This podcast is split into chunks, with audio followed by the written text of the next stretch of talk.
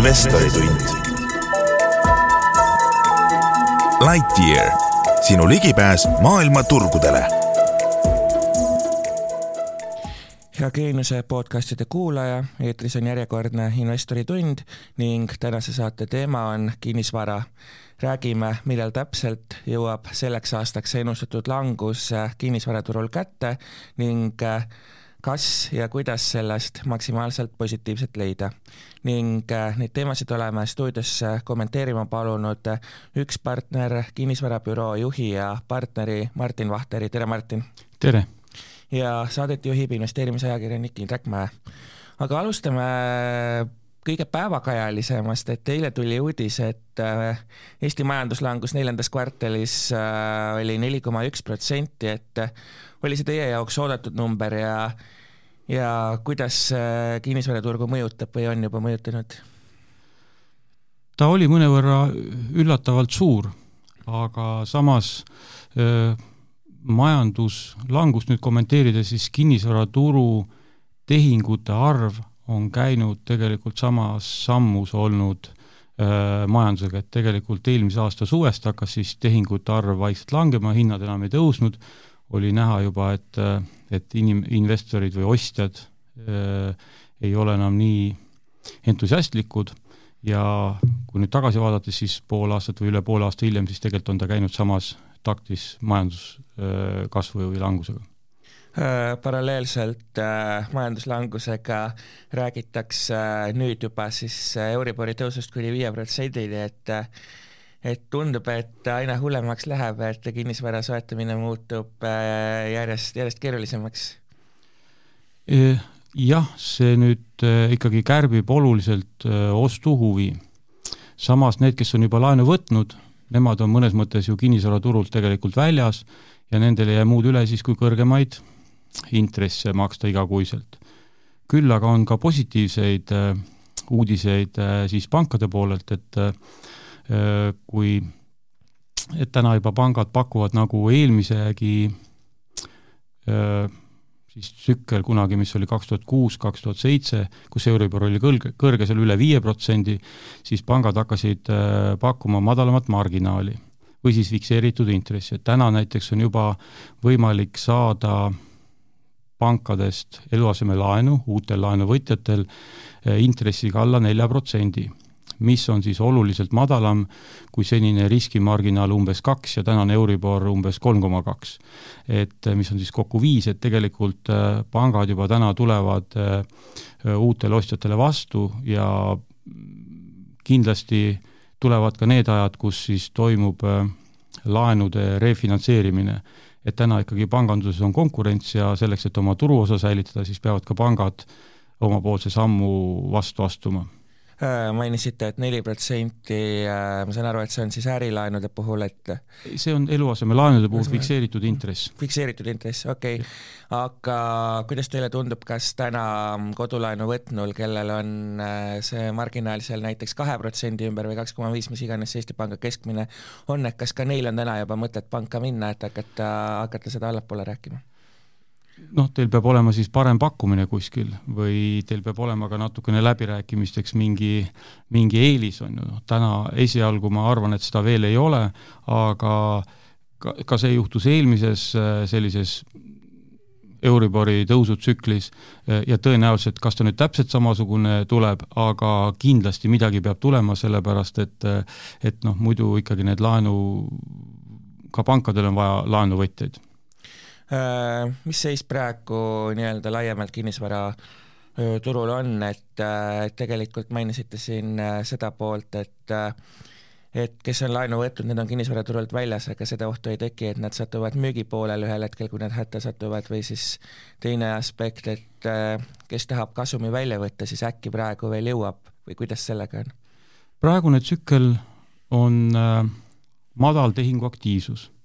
selleks, et hinnad hakkaksid langema, mida nad on tegelikult juba tänaseks teinud, eh, selleks peab langema tehingute arv, tehingute arv on tänaseks langenud, eh, natukene tehingute arv juba täna on kasvusfaasis. see on ka natukene aastavahetusega, puhkustega seotud, aga näiteks veebruarikuu oli juba natukene aktiivsem, kui oli jaanuar, mis ei tähenda seda, et võrreldes aastatagusega oleks kuidagi nagu nüüd asjad äh, äh kuidagi nagu paremaks läinud, ei ole. sellega ikkagi oleme kõvasti kolmandiku võrra vähem tehinguid kui eelmisel aastal samal perioodil äh,. Mis puudutab nüüd äh, nagu nüüd kinnisvaraturult väljas olemisse, siis kinnisvaraturult mõnes mõttes on väljas need, kes võtsid viimasel ütleme siis aastal-kahel laenu ja kõik sõltub ka sellest, kui suure, kui, kui suure omafinantseeringuga. et need, kes näiteks ostsid, ütleme siin kaks tuhat kuusteist, seitseteist, noh, varematest ma ei hakkagi rääkima, need on ju täna kindlasti veel tõusus või võidus ja kõvasti võidus. et isegi eelmise aastaga võrreldes on ikkagi kinnisvara hinnad, eelmise aasta sama perioodiga võrreldes on kinnisvara hinnad ikkagi täna äh, kaheksa kuni kümme protsenti kõrgemad veel tänastes äh, numbrites, nii et, et noh, see kinnisvaraturult väljas, see on nagu niisugune piltlik ütlemine, äh, et see ikkagi puudutab neid, kes on äh, viimasel, ma ei tea, aastal-paaril siis laenu võtnud. Mis tüüpi pinnad need on, millel täna läheb võib-olla teistega võrreldes hästi, et äh, mäletan, et headel aegadel paljud investorid püstitasid äh, muuhulgas hüpoteesi, et äh, väiksemad pinnad on atraktiivsed olukorras, kus inimestel on kulutada võimalik vähem ja ja, ja nii edasi, et ähm, et kas see on hakanud paika pidama, et ma ei tea, kuueteistruudustel korteritel läheb kuidagi paremini või, või, või mis tüüpi on see luksuskorter, mis tüüpi pindasid täna eelistatakse? kui me räägime nüüd üüriturust, siis üüriturul peab see üks-ühele paika, et äh, kõik üürid, mis on nüüd olnud üle tuhande euro, siis räägime siis kallima otsa üürikorterit, siis nendel on tõesti noh, ikkagi nagu siin mitmesaja eurone kuu üürilangus. keskmises hinnaklassis räägime siin nelisada kuni kaheksasada, et siis need, need on pidanud üllatavalt hästi vastu, et nende langus oli eelmisel suvel ära või sügise alguseks ja need on täna nende nii-öelda hinnatase on täna väga hästi pidanud ja ja üüriturg on selles mõttes natukene tuleb kauem küll oodata, aga tegelikult ikkagi saab välja anda sama hinnaga ja nüüd siis äh, see odavama alla neljasaja eurosed äh, kuuüüriga korterid, siis nende sektoris on täna ikkagi nõudlus äh, üsna, üsna suur äh,. kuidas äh, nii-öelda luks-, ma mõtlen luksuskorterite seisukohalt, et et need, mis on nagu hästi kallid korterid, need vist äh, nagunii ostavad ainult rikkad, kellel raha on, et et ka nemad vist väga nii-öelda, kui me räägime ostust-müügist, pihta ei tohiks saada või saavad või kuidas sellega on? Noh, nende luksuskorteritega nad ei ole nii hinnatundlikud või nad ei ole nii ost- või majandustsükli tundlikud, kuigi ka noh, neid luksuskorteri ostjad tulevad ikkagi majanduskasvust, tuleb neid juurde, osalt sellepärast, et inimesed võib-olla hindavad oma võimeid üle, teiseks kõigil tundub, et läheb hästi ja lõpp, lõputult hästi, siis aga kui me räägime ikkagi sellisest üle miljoni eurosed korterid näiteks, siis tavaliselt nende ostjad ei osta neid asju laenuga nendel on see raha olemas ja eh, kui nad ikkagi tahavad seda asja osta, siis nad ostavad selle ära. Eh, kui nendel muudes, kui nende muu äri läheb hästi, siis nad ikkagi nagu raha ei loe äh, üsna palju räägitakse ka sellest, et äh, võrreldes eelmise finantskriisiga on inimestel palju hoiuseid ning tuuaksegi seda välja, et hoiuste hulk on kas võrdne või suurem kui välja antud kodulaenude hulk, et selle pealt vaadates ei tohiks Euribor äh, ja Euribori tõus äh, võib-olla väga palju isegi või vähemalt eelmise finantskriisiga samas mahus äh, turgu mõjutada?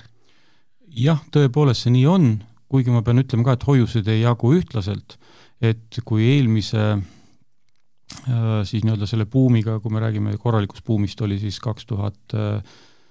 viis, kuus, seitse, siis sellega võrreldes on selles mõttes olukord oluliselt parem, et et tookord oli meil välisraha toel käis laenamine, siis seekord on ikkagi äh, see laenamine on toimunud äh, meie riigi sisemise ma ei tea, SKT või siis lisandväärt- või lisa- või väärtuse poolt äh, ja hoiuste arvelt, nii et, et selles mõttes see olukord on parem, aga Euribor endiselt ikkagi mõjutab täna seda ostuhuvi, et seda nüüd öelda, et et see ei mõjuta, muidugi mõjutab, aga see olukord ei ole kaugeltki nii hull, kui ta oli kaks tuhat kaheksa-üheksa. Äh, seda Euribori mõju on äh, näha ilmselt natuke ka selles, et kui kinnisvaraturul äh, pakkumisi vaadata, siis täna saab juba leida kohti, kus köök ja panipaik, teinekord ka parkimiskoht tulevad, tulevad ostuga kaasa, et et tasub küsida ilmselt. muidugi, see on esmane, esimene samm enne hindade langetamist, kus hakatakse, ma ei tea, autosid, kommunaalkulusid, parkimiskohti, panipaikasid, köögimööblit, kõike juurde panema, aga ma veel kord ütlen, et see sõltub ka natuke arendajast ja arendaja finantsseisust ja arendaja sellisest äh,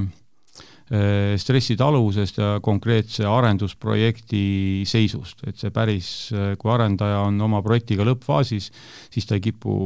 neid kingitusi peale tegema nii lihtsalt ehk siis mida arendajate puhul täpselt vaadata, et on see kõrge võlakoormus, mis ootab teenindamist, äh, mainisite välja, mainisite ära juba selle, et mis faasis see on, et et saangi siis aru, et kui äh, kortereid paberi peal äh, nii-öelda on veel päris palju müügis ja vaatad ettevõtte bilanssi ja näed seal kõrget võlakoormust, et et siis tasub minna ja hakata kauplema? noh, see otseselt ei näita seda, õnneks või kahjuks tegelikult iga arenduse kohta tehakse eraldi, eraldi, eraldi keha ja et noh, loomulikult äh, tasub alati vaadata suuri arendajaid, aga suurte arendajatel on see viga, et nad ei kipu nii lihtsasti neid soodustusi tegema. Äh, et, äh, et see ikkagi sõltub natukene projektist, vähem nagu sest noh, näiteks juba, et uut projekti alustada või kas või näiteks seda laenuga teha, siis tegelikult krediidiasutused ei ole laenu andnud enne, kui ei ole näiteks mingi kindel osa kortereid juba müüdud. ehk siis tegelikult juba laenaja ise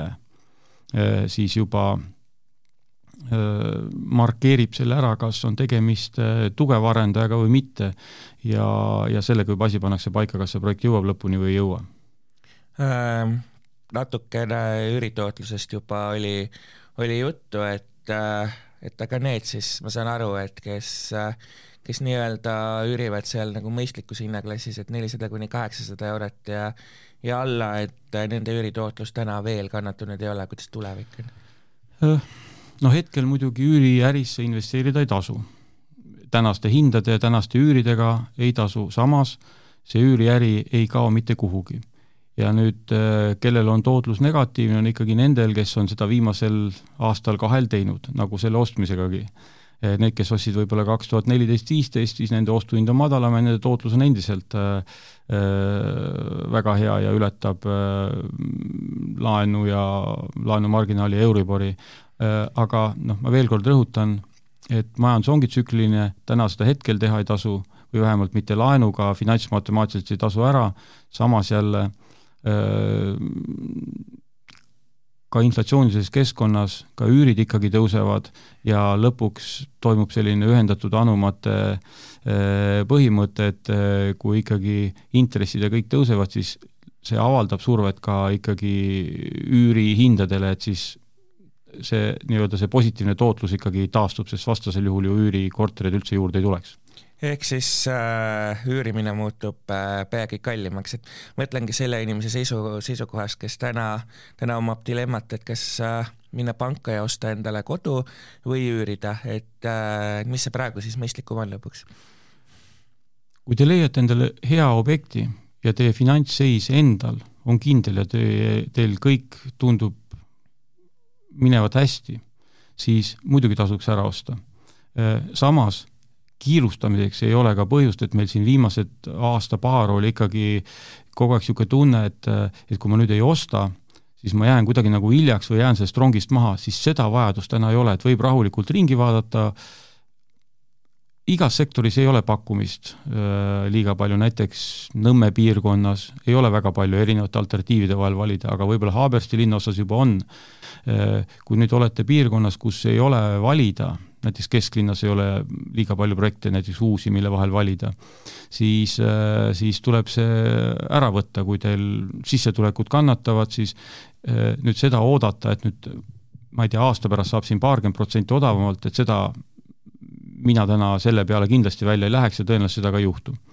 nüüd, kus on mõnes piirkonnas, kus on palju pakkumisi, ühetaolisi objekte, alternatiive on palju, siis äh, muidugi tasuks ringi vaadata seal, vaadata, kuidas sellel projektil hakkab minema ja kui projektil hakkab hästi minema, siis tähendab seda, et huvi on taastunud ja siis peaks ka kuidagi äh, oma otsuse lõpuks ära tegema, kui ei soovi sellest varast ilma jääda. Äh, investorite vaatest, siis äh, mõned investorid on juba välja öelnud, et vaatavad äh,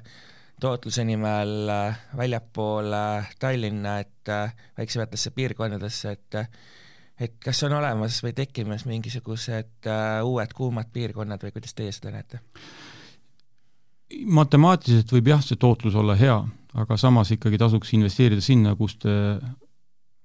turgu, millest te aru saate. Sellepärast, et lisaks sellele tootluse numbrile on ka muid tegureid, mis määravad, kuhu kinnisvara investeerida, seal on haldusprobleemid, likviidsus äh,, alternatiivsed siis võimalused, et näiteks kui mul see üüriäri nüüd enam ei, ei soovi seda ajada, et siis äh, mis ma siis selle varaga teen, et et äh, jah, see võib tunduda täna, et, et mujal on parem investeerida, aga me peame ikkagi rõhutama seda, et täna enamus Eesti majandusest ja rahast, seitsekümmend protsenti on Tallinnas ja Harjumaal. ja see määrab ka ära ülejäänud investeerimisvõimalused Äh, mainisite äh, madalamat likviidsust äh, väljaspool Tallinna, ilmselt pangad näevad sama pilti, et see tähendab, et väljapoole Tallinnat ei pruugi väga lihtsasti laenu saada või on see kallim? Ega pank vaatab samamoodi nagu meiegi, et ma ei räägi nüüd ainult Tallinnast, ega siin on neid piirkondi teisi ka, millel läheb hästi, ma siin praegu suvaliselt ütlen kiiruga, näiteks Tartu, Pärnu, Rakvere on positiivse positiivsete numbritega, et me nüüd liiga Tallinna ei tahaks keskenduda, et ikkagi noh, mina vaatan, see on natukene selline võib-olla kaudne, aga mina vaatan eh, piirkonna kinnisvara potentsiaali sellega, kas, kuidas elanikkond sinna nagu juurde tuleb. ja kui rahvastik kasvab, siis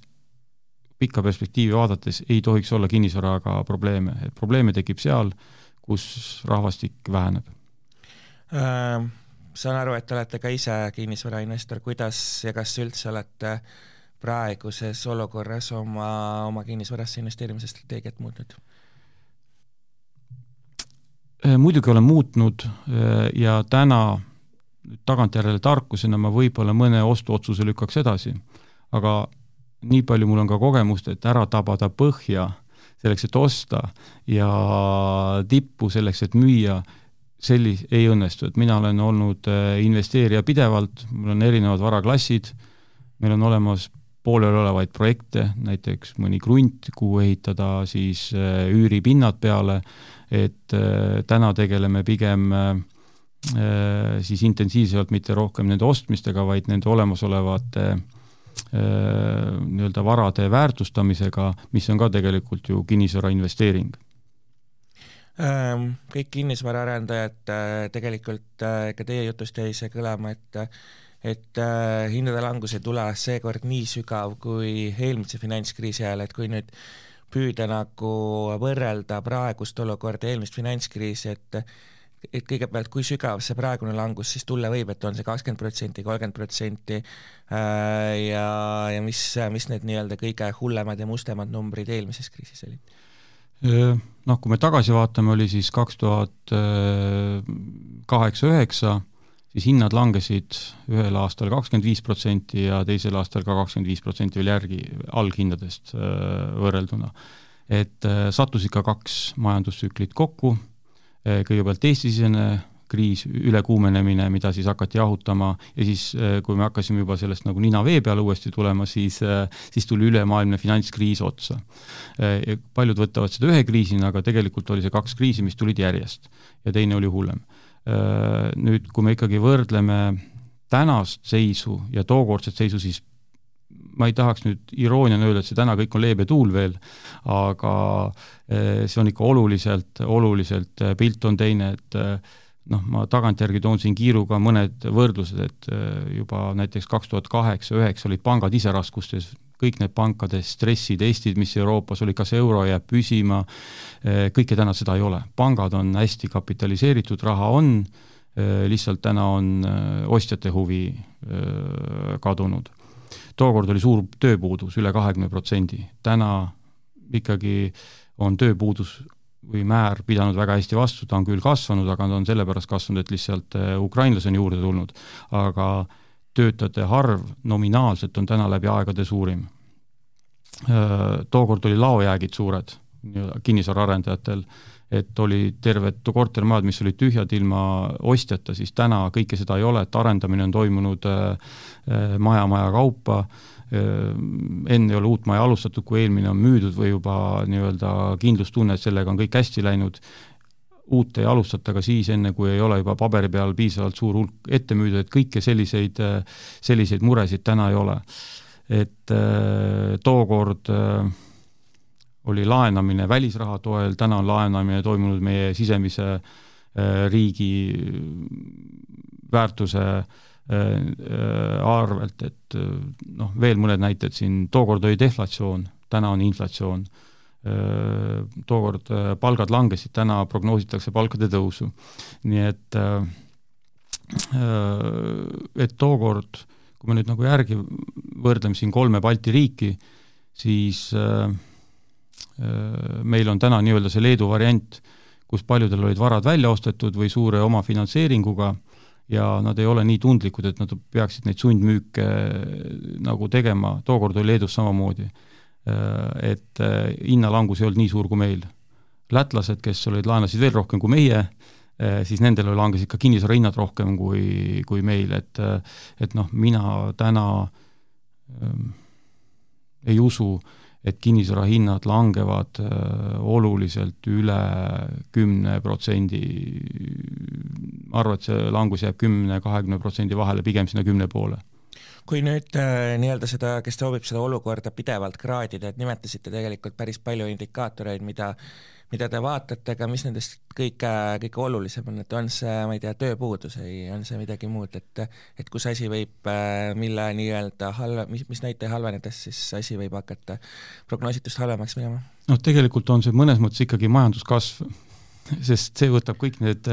need on küll viitega, aga see võtab kõik selle nagu kokku ja ja noh, me peame ikkagi ütlema ka seda, et nagu ka tookordses kriisis kõikidel ei läinud äh, ühtemoodi halvasti, näiteks IT-sektor pidas väga hästi tookord vastu, täna võib-olla enam IT-sektoril nii hästi ei lähe, samas tundub, et pangandusel läheb praegu hästi, energiasektoril läheb hästi, et äh, siin on neid äh, neid valdkondi küll, millel läheb hästi, et et noh, sundmüügid ikkagi tulevad siis, kui inimesed ei jaksa oma laenu täna ära maksta. meil on oluliselt rohkem puhvreid. täna veel pole noh, vähemalt kuulda olnud, et on hakatud siin mingeid laenupuhkusi väljastama, et need on kõik eelnevad märgid sellest, et asi hakkab halvemaks minema et laenupuhkus, mis tähendab siis seda, et intressi tuleb maksta, põhiosa ei maksta, noh, kõike seda veel, me oleme ikkagi täna väga kaugel veel sellest, mulle tundub kuivõrd äh, peaks äh, ühelt poolt kinnisvaraarendajad, teiselt poolt kinnisvara ostjad äh, oma kulusid kontrollida püüdma läbi selle, et fikseerida kas intressimäär ära või siis arendajate puhul mõelda, ma ei tea, erinevate intressiswappide ostmisele või, või on selleks kõigeks juba praegu liiga hilja? no kui päris aus olla, siis tegelikult on juba hilja, kui maja põleb juba, siis on äh, tegelikult hilja, aga veel kord äh, noh, ma toon sellesama näite, et tegelikult juba saab täna ka fikseeritud intressiga eluasemelaenu, et see küll on praegu esimesed pääsukesed, need on uutele äh, nii-öelda koduostjatele, aga kui see olukord peaks nagu nüüd halvenema, siis ma prognoosin, et neid äh, selliseid pakkumisi tehakse ka juba lihtsalt konkurentsisurve tõttu hakatakse neid pakkumisi teha, tegema ka juba olemasolevatele äh, laenudele ähm,? Siin äh, peab ilmselt arvestama ka sellega, et äh, et kes enda intressimäära fikseerib, et siis kui ta soovib laenu varem tagastada, et siis on see, siis on see oluliselt kulukam kui fikseerimata intressi puhul. jah, need leppetrahvid tuleb ka kindlasti läbi vaadata, ega nüüd kohe ei tasu, kui see intressimäärade vahe on nagu väike, siis ei tasu kohe hakata seal nagu jooksma, aga kui need vahed suurenevad ikkagi, see ma-, e-, endine marginaal pluss Euribor, siis, siis ma siis tasub juba nagu arvuti kätte võtta ja mõelda, kumb on soodsam. Äh, kui keegi soovib täna broneerida uusarendust, äh, siis kui suur on see oht, et äh, paberi peal broneeritakse objekt ära, makstakse broneerimistasu ka ära, võib-olla tehakse pangaga eelleping, et laenu saab ja kõik on justkui korras ja ja siis selgub, et, et see objekt ei valmigi kunagi, broneerimistasu ka tagasi ei saa, et arendajate pankrotioht noh, selle kohta võib kindlasti neid võib tulla ja tõenäoliselt mõni väiksem arendaja ka selle läbi teeb, aga seda ei tule kindlasti sellises mahus, nagu nad olid tookord siin kaks tuhat kaheksa, kaks tuhat üheksa. Ja veel kord ma arenduse koha pealt ütlen, et see, see pilt on ikkagi oluliselt teine, et arendamine, kinnisvara arendamine on koondunud rohkem suurte tegijate kätte, pangad on ise teinud oma äh, oma stressitestid juba enne laenu väljastamist, et et mis saab siis, kui näiteks ega see Euribori tõusu oht oli juba tegelikult juba pikemat aega, lihtsalt üllatusena on see, et see oli nii kiire ja nii, nii jõuline tõus, aga need stressitestid tehti ka enne juba ära. nii et, et sellist nagu nüüd kartma hakata, et nüüd ei saagi valmis, on nüüd noh, see oht on oluliselt nüüd väiksem, see ei ole küll välistatud, aga see on väiksem. ja siis tasub ju alati äh, pöörduda valmisobjektide poole, sest ka ju täna on saada ka turul äh, äh, valmisobjekti piisavalt, kui peaks olema selline hirm, et äh, ma ei tea, kas objekt ikkagi saab valmis, nii et et kui ikkagi kasutusluba on olemas, maja on valmis, pooled elanikud on sees, kõik on näha, mis te saate, siis, siis tasuks sinna pöörduda, kui ei ole sellist riskitaluvust. ehk siis, kui nüüd, kui vaadatagi ostja poole pealt, et siis kehtib kehtib sama, et äh, vaadake suurt ja usaldusväärset arendajat, et mis siis, kui võib-olla soodusmüüki ei saa noh, sinnapoole tasub alati vaadata, et äh, suured arendajad on, peavad oma lubadustest paremini kinni juba oma maine pärast. Äh, kindlasti olete ka üks partneris erinevaid kriisistsenaariume joonistanud ja ja stressitesti teinud, et milline on teie jaoks see kõige hullem või negatiivsem olukord, mis juhtuda saab ja mis on teie plaan selleks? noh, oleneb, kuidas mul tuju on ja mida ma tahan välja mõelda. täna noh, see ei ole esmakordne, mina olen kinnisvaraturul olnud aastast üheksakümmend kaheksa, see on siis tänaseks juba siis kakskümmend viis aastat. minu jaoks ei ole siin täna midagi uut, ma tean, et see kõik läheb üle. kui me oleme kriisis, on see väga ebameeldiv, see, kui me hakkame kriisist välja tulema ja kus see põhi on, sellest me saame tavaliselt pärast teada. nii et selles ei midagi uut, noh, tuleb teha samasuguseid ratsionaalseid otsuseid, nagu me siis tulime, kulud kontrolli all hoida, kohaneda vastavalt siis turuga, mingeid otsuseid edasi lükata, tuleb ka mõnikord ebamugavaid otsuseid teha, mingi kahjum tuleb ära kannatada, nii et ei midagi uut otsuste edasilükkamine ja muu selline, et tegelikult mõned kinnisvarafondid, näiteks Eften Capital on öelnud, et et nemad osaliselt täna istuvadki teadlikult rahas, sest varsti saab äh, turult häid ostukohti, et äh, kuidas teile tundub, et kas inflatsiooni käes äh, vaba raha hoidmine äh, selleks, et oodata ostukohta ja hakata siis kinnisvarasse investeerima, et äh, on see nagu mõistlik? Noh, siin peab igaüks ise oma äriplaani tegema, palju tal raha on, kas see on ainus raha, eh, kas tal jagub ka, on tal veel varusid, et noh, inflatsiooni surve ja tempo täna ikkagi loodetavasti nagu alaneb eh, ja eh, et ka see mure peaks nagu ära kaduma. kindlasti, kui on majanduslangus, kõik arendusprojektid või kõik investeeringud ei tasu ennast ära ja seal peab lihtsalt ootama, aga, aga noh, me kipume alati äh, nagu arvama, et kordub alati kaks tuhat kaheksa, kaks tuhat üheksa, mis oli tõesti väga valus kokku, kokku kahekümneprotsendiline majanduslangus, et täna me oleme sellest ikkagi kaugel. et äh, nüüd veel kord ma ütlen, et me saame tavaliselt pärast teada, milline oleks olnud see kõige õigem hetk, kas siis osta või müüa, et nüüd niimoodi nõu anda, et mida teha, kas oodata või siis äh, äh, või siis mitte või teha otsus ära, et see sõltub ikkagi konkreetse, konkreetsest investeeringust ja konkreetsest investeerijast. Äh, mainisite, et olete kinnisvaraturul üheksakümne kaheksandast aastast, see on siis kakskümmend viis aastat juba, et et ikkagi kasutan võimalust ja ja küsin, mida ütleb siis kogenud eksperdi kõhutunne, et ütlesite küll, et põhja ja tipu ennustamine on tänamatu töö, aga aga siiski ma kujutan ette, et teil mingisugune kõhutunne on, et saabub see põhi aasta teises pooles, uue aasta alguses, millal? noh, ilus oleks mõelda, et me tegelikult täna juba põhjas oleme. Äh, sest kui ma vaatan ikkagi statistikat täna näiteks, kui me räägime nüüd Tallinnas korterite ruutmeetri keskmist hinda, et ta siin eelmisel aastal oli noh, ütleme teisel poolaastal ta kõikus sedasi kahe tuhande seitsmesaja, kolme tuhande vahel, et ta on täna sinna endiselt jäänud veel äh,. ei ole niimoodi olnud, et nüüd on noh, sellest kuidagi kahe tuhande seitsmesajast veel allapoole langenud. tõenäoliselt me näeme sellist üles-alla kõikumist veel äh, mõnda aega, ma arvan, et see võib kesta veel, ma ei tea, kuni pool aastat, mis tegelikult tähendab seda, et hinnad püsivad. Loomulikult seal on ka statistilist eripära sees, et äh, nii-öelda eelnevalt kokku lepitud broneeringute osakaal on äh, kasvanud ja see nagu hoiab nagu statistilise eripära tõttu seda hinda nagu üleval. aga äh, kui me ikkagi võrdleme nüüd selle eelmise korraga, siis oli väga selgelt näha, kuidas nool oli igakuiselt, oli allapoole, siis täna seda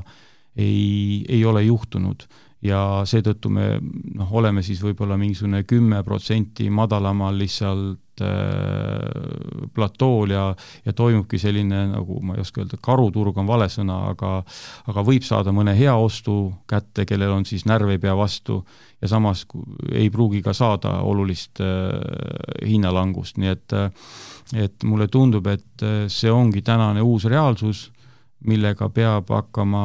äh, kohanema, et see kestab veel, ma arvan, et äh, selle aasta keskpaigani kindlasti. ehk siis äh, kui nüüd üritada saadet kuidagi kokku võtta, et saan ma õigesti aru, et et kui finantsseis vähegi võimaldab või või nii-öelda mingisugune kindlustunne on olemas, et siis tegelikult enam väga palju oodata ei ole mõtet, et täna juba võib saada täitsa, täitsa mõistlikke, mõistlikult hinnatasemelt asju ja ja kui te ütlete, et põhi võib olla juba käes, et jah, ma võtaks küll selle kokku, sest äh, noh, meil üks aasta läks ainult liiga kuumaks, et kui saaks selle ühe aasta vahelt ära võtta, siis ei oleks täna midagi hullu kinnisvaraturul. Selge pilt, suur aitäh täna stuudiosse tulemast ja selle intervjuu eest, üks partner, kinnisvarabüroo juht ja partner Martin Vahter. tänan kutsumast ja Investori tund on eetris taas nädala pärast, kuulmiseni!